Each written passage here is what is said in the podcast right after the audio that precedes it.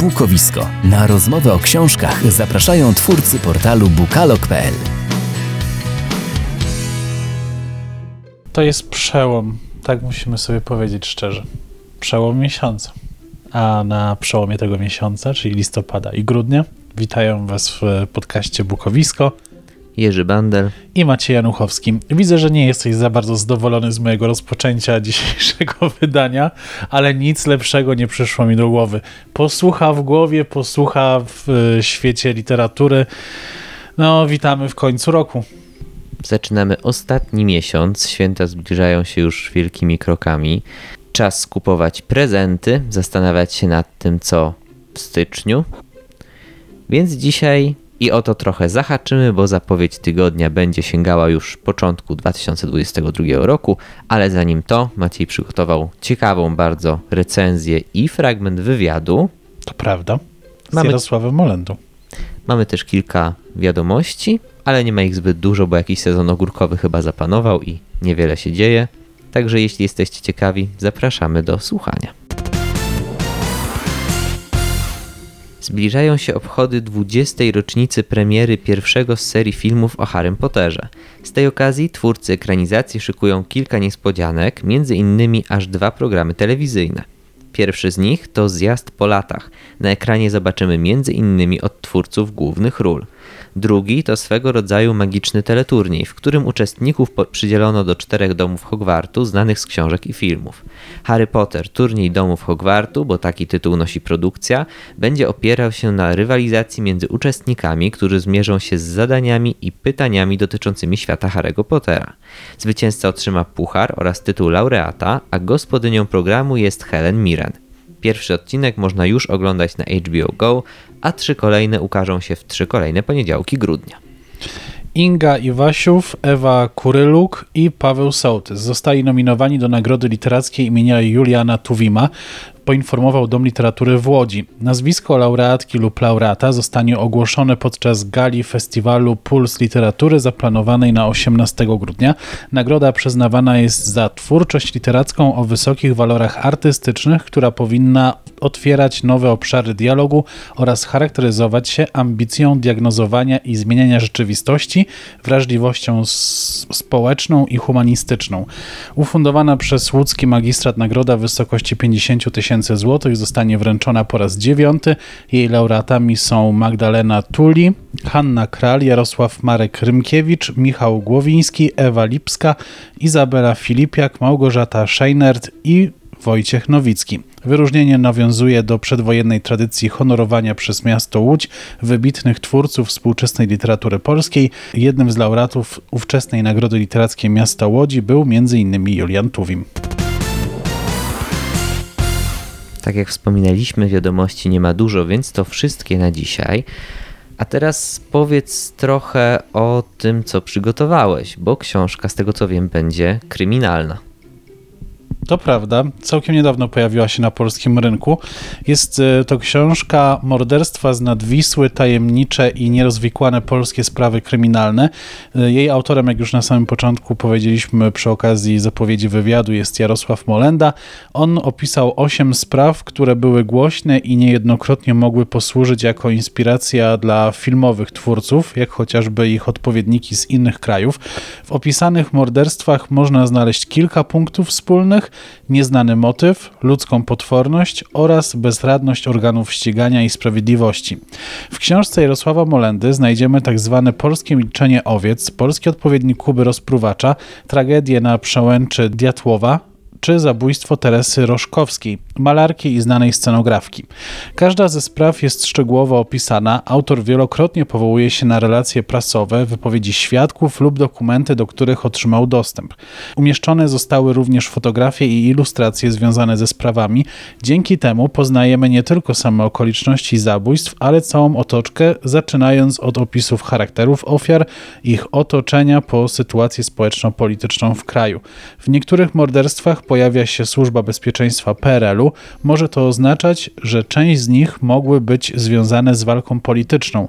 Szczególnie, że PRL nie miał litości do opozycjonistów, którzy działali aktywnie w walce z władzą.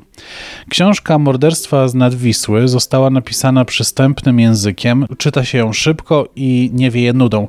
Choć znajdą się w niej drastyczne fragmenty, to autor nie patuje brutalnością na każdej stronie, zazwyczaj wtedy, kiedy trzeba pokazać rozmiar morderstwa i zestawić na przykład z zebranymi przez śledczych dowodami.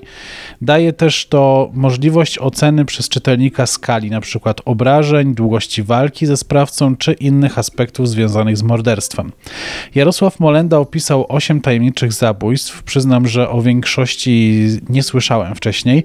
Dla mnie jest to zaletą tej książki. Jest wiele głośnych spraw, które zostały już opisane w różnych książkach. Zazwyczaj nie chcemy przecież czytać tego samego w kółko, szczególnie kiedy nic nowego w sprawie się nie pojawiło.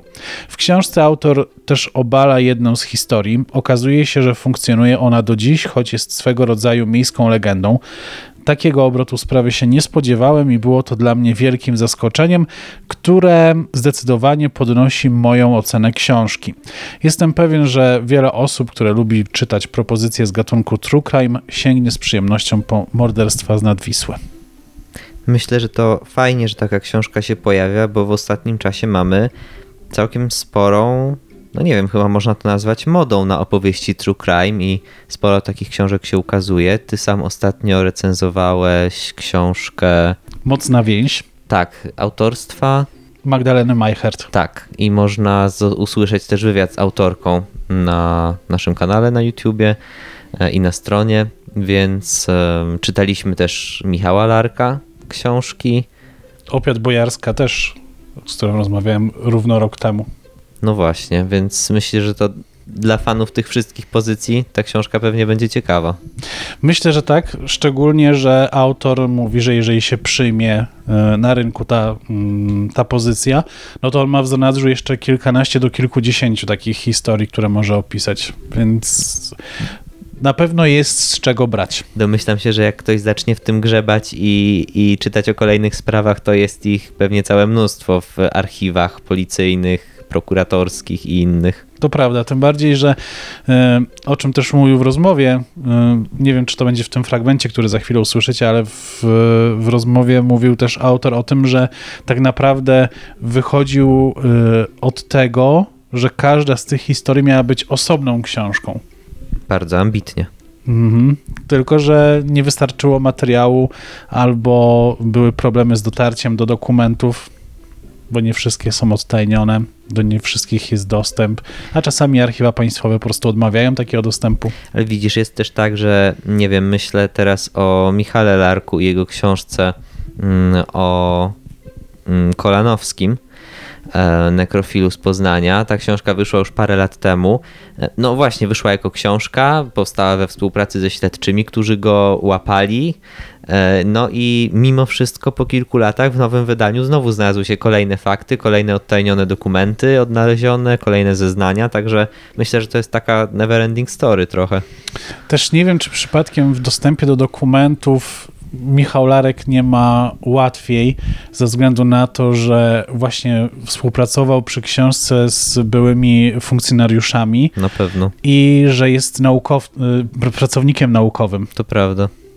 To może otwierać różne A z drugiej zamknięte strony, ścieżki dla innych, którzy by chcieli się zająć tym z tematem. drugiej strony wiem, że też część akt jest po prostu ogólnodostępna do wglądu, więc na pewno to jakiś trop na początek. To takie wskazówki, jakby ktoś z Was y, chciał zająć się śledzeniem dawnych spraw kryminalnych, ale tymczasem może oddajmy głos autorowi, który już to zrobił i zapraszamy do wysłuchania fragmentu wywiadu z Jarosławem Molendą.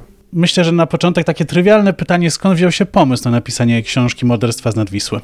Troszeczkę z konieczności i troszeczkę z ciekawości. E, Z ciekawości, ponieważ e, mm, e, no byłem ciekaw, jak się będzie tego rodzaju antologia sprzedawać. Taki swoisty pitawal, mm, chociaż pitawal to są sprawy sądowe, a tutaj nie wszystkie te, te sprawy, które opisuję, trafiły do sądu. No więc tak nie jest to taki stuprocentowy pitawal, tak, jeżeli byśmy chcieli być zgodni z nomenklaturą. Więc byłem ciekaw, jak, jak się tego rodzaju będzie książka sprzedawała, bo do tej pory miałem jakby monografię e, seryjnych zabójców na koncie, przynajmniej z tego gatunku. No a z konieczności to przyznaję, że ja się do każdej z tych spraw przymierzałem jakby osobno. Każda miała właściwie mieć swoją książkę. Ale z racji niemożności zdobycia pełnych materiałów, bo stare sprawy jeszcze sprzed e, wojny, no to już akt nie ma, e, więc posiłkowanie się relacjami prasowymi no niestety nie, nie zebrałbym tyle materiału, żeby, żeby z tego zebrać książkę. A z kolei przy współczesnych sprawach jest taki problem, że sądy okręgowe nie wydają zgody na mm, fotokopię akt. Y, a te współczesne sprawy to są tomy liczące kilkadziesiąt, a, a nawet i kilkaset, bo y, sprawa skóry, czyli, czyli polskie milczenie owiec, które opisuję, no to jest chyba 700-800 tomów akt. Więc jak tylko czytając, ja już nawet nie chcę myśleć, ile by mi to zajęło, y, można napisać książkę, jeżeli nie można, nie, nie wiem, zrobić jakiejś fotokopii, nie wiem, yy, przesłuchania świadka, sekcji zwłok, czegokolwiek, tak, no z pamięci to się takiej sprawy nie da opisać, więc no niestety musiałem to zawęzić do, no, do jednego rozdziału każda sprawa.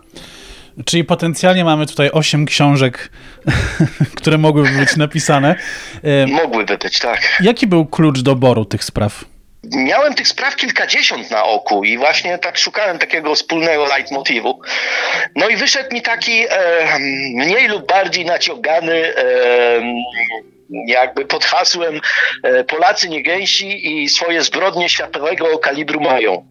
Dlatego są właśnie takie podtytuły jak Polskie Fargo, Polskie Milczenie Owiec, e, Polska Przemęcz Diatłowa, e, więc e, to jest taki wspólny motyw, że mamy sprawy, które są albo podobne lub wręcz, wręcz e, jest to kalka, e, lub jakieś jest nawiązanie do, do zbrodni światowego kalibru, czy to rzeczywistych, czy to, czy to z literatury. Tak? Więc to był taki e, wspólny motyw, bo opisuje na przykład polskie z zimną krwią Trumana Capote.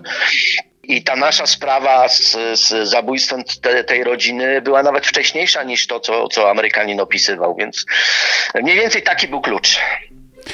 Trzeba też przyznać, że to są sprawy, mm, które nie były bardzo mocno eksponowane wcześniej, e, no bo mm, tak mi się wydaje, przynajmniej ja o wielu z nich nie słyszałem może o jednej. I się zastanawiam na to, dlaczego pan mm, zdecydował się właśnie wyciągnąć takie mniej znane, a nie oprzeć jak wielu autorów na tych bardzo głośnych. No bo właściwie tak, no jak już były opisywane, to po co to dublować, tak? E, z drugiej strony, wie pan co, no ja już mam troszeczkę doświadczenia, bo te 40 książek w dorobku jest, e, więc wiem, że e, coś musi być, co jest znajome czytelnikowi. Mm, ja nie, nie, wiem, pamięta pan e, film Race, gdzie jest taka kwestia, tylko już nie pamiętam, kto ją, kto ją wymawia, czy Maklakiewicz, czy Himmelsbach, który twierdzi, że Polacy lubią piosenki, które już znają. I tutaj jest też tak, że no jakieś dwa, trzy nazwiska, czy dwie, trzy sprawy muszą być znane, żeby, żeby ten czytelnik tak nie czuł się tak całkiem e, oderwany, że, że no już kompletnie nie ma o niczym pojęcia, tak? Więc powiedzmy połowa książki to jest w miarę, gdzieś tam te sprawy gdzieś tam się przewijały, zwłaszcza te dwie ostatnie, to one gdzieś tam w prasie się i w mediach e, przewijają, bo, bo, bo, bo, są cały czas na tapecie, że tak powiem. Polskie Milczenie Owiec ma swój finał w sądzie teraz, tylko nie wiadomo ile to potrwa, tak? A połowa, no to taki mój troszeczkę wkład, no bo skoro już robię taką antologię, no to chciałem jednak dorzucić coś takiego mniej znanego, no żeby, żeby, żeby nie była taka kaszka odgrzewana.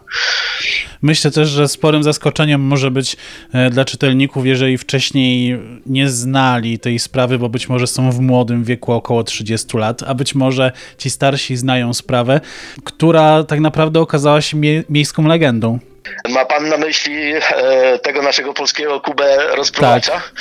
E, no tak, tak. I tutaj ja przyznaję, że specjalnie poprowadziłem ten rozdział tak, żeby, żeby na początku czytelnik no, nie był świadom, że, że jednak mamy tutaj jakąś fikcję literacką jednak. A dopiero w dalszej części wyjaśniam, że okazało się, że, że jedna z najgłośniejszych spraw teoretycznie w polskiej kryminalistyce, bo wielu się dało na nią nabrać, okazała się no taką, taką bójdą, no, ale wielu fachowców kupiło ten temat i to, to, to było na tyle ciekawe i w sumie takie troszkę śmieszne, że żeby może trochę rozładować całą tutaj tę ponurą e, otoczkę tych, tych, tych wszystkich spraw, no bo, bo, bo one są też smutne z tego powodu, że w części z nich nie znaleziono sprawców, tak? No to tutaj dałem taki rozdział troszeczkę na, na, na, dla, takiej, dla takiej przeciwwagi.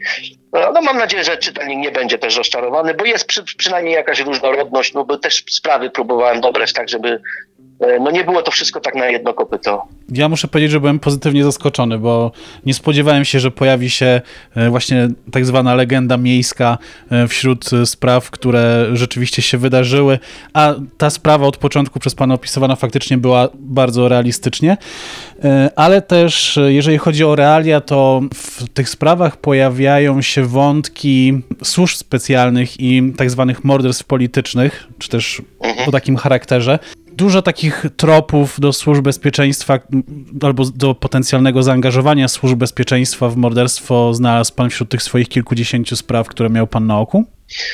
Troszkę było, tylko wie pan co, ja się w nie nie wgłębiałem, ponieważ no ja jako mm, dziennikarz z zewnątrz nie mam dostępu do tego rodzaju dokumentów. Byłym policjantom czy, czy byłym pracownikom służb jest łatwiej gdzieś tam te dokumenty zdobyć, tak? Dlatego no ja sobie o, o, odpuszczam te tematy, bo ja wiem, że przez nie, e, przez nie nie przebrnę, no, no po prostu z oczywistych powodów, tak? No nie, nie zostanę dopuszczony e, do pewnych tajemnic.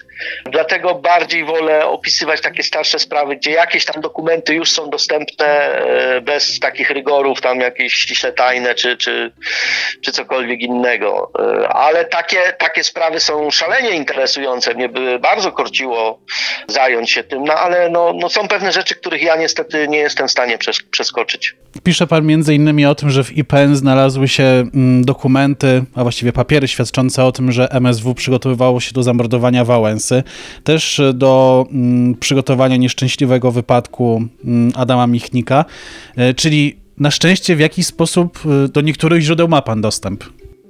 E, No tak, czasami się zdarza, owszem, e, bo też napisałem dwie książki o ucieczkach z PRL-u i tam na przykład też był wątek naszego takiego e, szczecińskiego Wałęsy, gdzie służby zdecydowały się właśnie go nie zabijać, tylko sprokurowały mu ucieczkę z kraju specjalnie, bo stwierdzili, że, że zabicie go przyniesie więcej szkody niż, niż, niż pożytku. Więc podsunięto mu agenta, który załatwił mu dokumenty i pozwolono mu uciec z kraju, tak? Tak to pięknie służby nasze e, rozwiązały. Tak, część dokumentów jest, tylko e, e, w IPN-ie powiedzmy nie ma z tym problemu, tylko też trzeba wiedzieć, gdzie szukać. Jak się nie ma sygnatury, no to nie jest tak łatwo do tych, do tych spraw dotrzeć, a no tam pracownicy IPN-u też nie są tak do końca od tego, żeby mnie, że tak powiem, prywatnemu dziennikarzowi no, no służyć e, pomocą, tak? E, Mówię, no trzeba mieć jakieś namiary, trzeba wiedzieć, w których aktach, z jakimi aktami to może być powiązane, gdzie jeszcze tego szukać. No to, to, to, to nie jest tak jak na naszych serialach w telewizji, że po prostu ktoś idzie i e, mówi, a tutaj w IPN-ie znalazłem. To też nie do końca jest takie proste. Mimo wszystko w książce jest bogata bibliografia. Jaki procent z niej to są materiały prasowe? A wie pan co, że ja tego pod tym kątem nie, nie analizowałem. Bo ja widzę, że tego jest wiem, prostu- sporo. Po prostu, bo e, no tak, no bo części, może inaczej, większości tych spraw w książkach nie były opisane, tak? E, a, mówię, a dostęp do e, akt współczesnych jest bardzo utrudniony. Ja przy kilku sprawach po prostu odbiłem się od ściany, kilkakrotnie składając wnioski dziennikarskie do, do przewodniczących wydziałów e, karnych, powiedzmy, o udostępnienie akt. I też nie zawsze taką zgodę dostaje. Część, część jest objęta tajemnicą w, zgodnie z ustawami.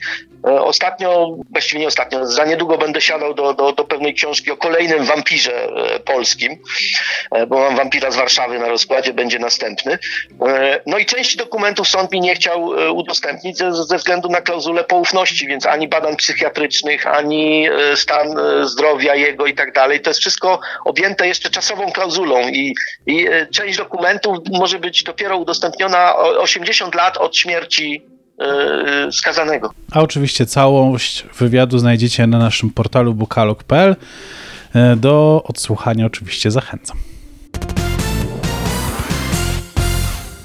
Na koniec dzisiejszego odcinka zapowiedź tygodnia, która, tak jak też wspomniałem na początku, wybiega w przyszłość do początku przyszłego roku. Tym razem to pierwsza w 2022 roku książka, która ukaże się w serii skandynawskiej wydawnictwa poznańskiego. To testament Niny Wachy, szwedzkiej pisarki. Jak pisze wydawnictwo, to napisana z rozmachem polifoniczna opowieść o rodzinie i nadchodzącej katastrofie. Opowiada o rodzinie Toimich, która liczy 14 dzieci, jeśli brać pod uwagę także nieżyjącą dwójkę. Wychowane przez surowego ojca i bezradną matkę rodzeństwo dzieli się na tych, którzy opuścili rodzinny dom i próbują uporać się z traumami, oraz tych, którzy zostali. Zbliżające się święta i przyjazd Ani, najstarszej żyjącej siostry, gromadzi ich znów wszystkich razem. Teraz jednak jest inaczej, bo choć relacja między rodzicami i rozkład sił się nie zmienił, rodzeństwo ma wspólny cel, który pragnie zrealizować za wszelką cenę. Jednak wydarzenia potoczą się nie po ich myśli. Jesteście ciekawi, co się wydarzy? Premiera 12 stycznia. I to już wszystko, co przygotowaliśmy w tym wydaniu podcastu Bukowisko. W ten deszczowy, śnieżny dzień. Nie wiemy, czy u Was też taki jest, ale u nas dziś spadł pierwszy śnieg, więc I już go nie ma. i już go nie ma, ale mimo wszystko pora zaszyć się pod kocem albo pod kołdrą i wziąć książkę i poczytać. Do czego oczywiście zachęcamy i zachęcamy też do tego, żebyście byli z nami za tydzień. Kiedy to przygotujemy oczywiście zapowiedzi grudniowe, czyli ostatnie premiery tego roku. Maciej Januchowski, I Jerzy Bander. do usłyszenia. Cześć. Podcast Bukowisko znajdziesz na YouTubie, Spotify, Google Podcast i Apple Podcast.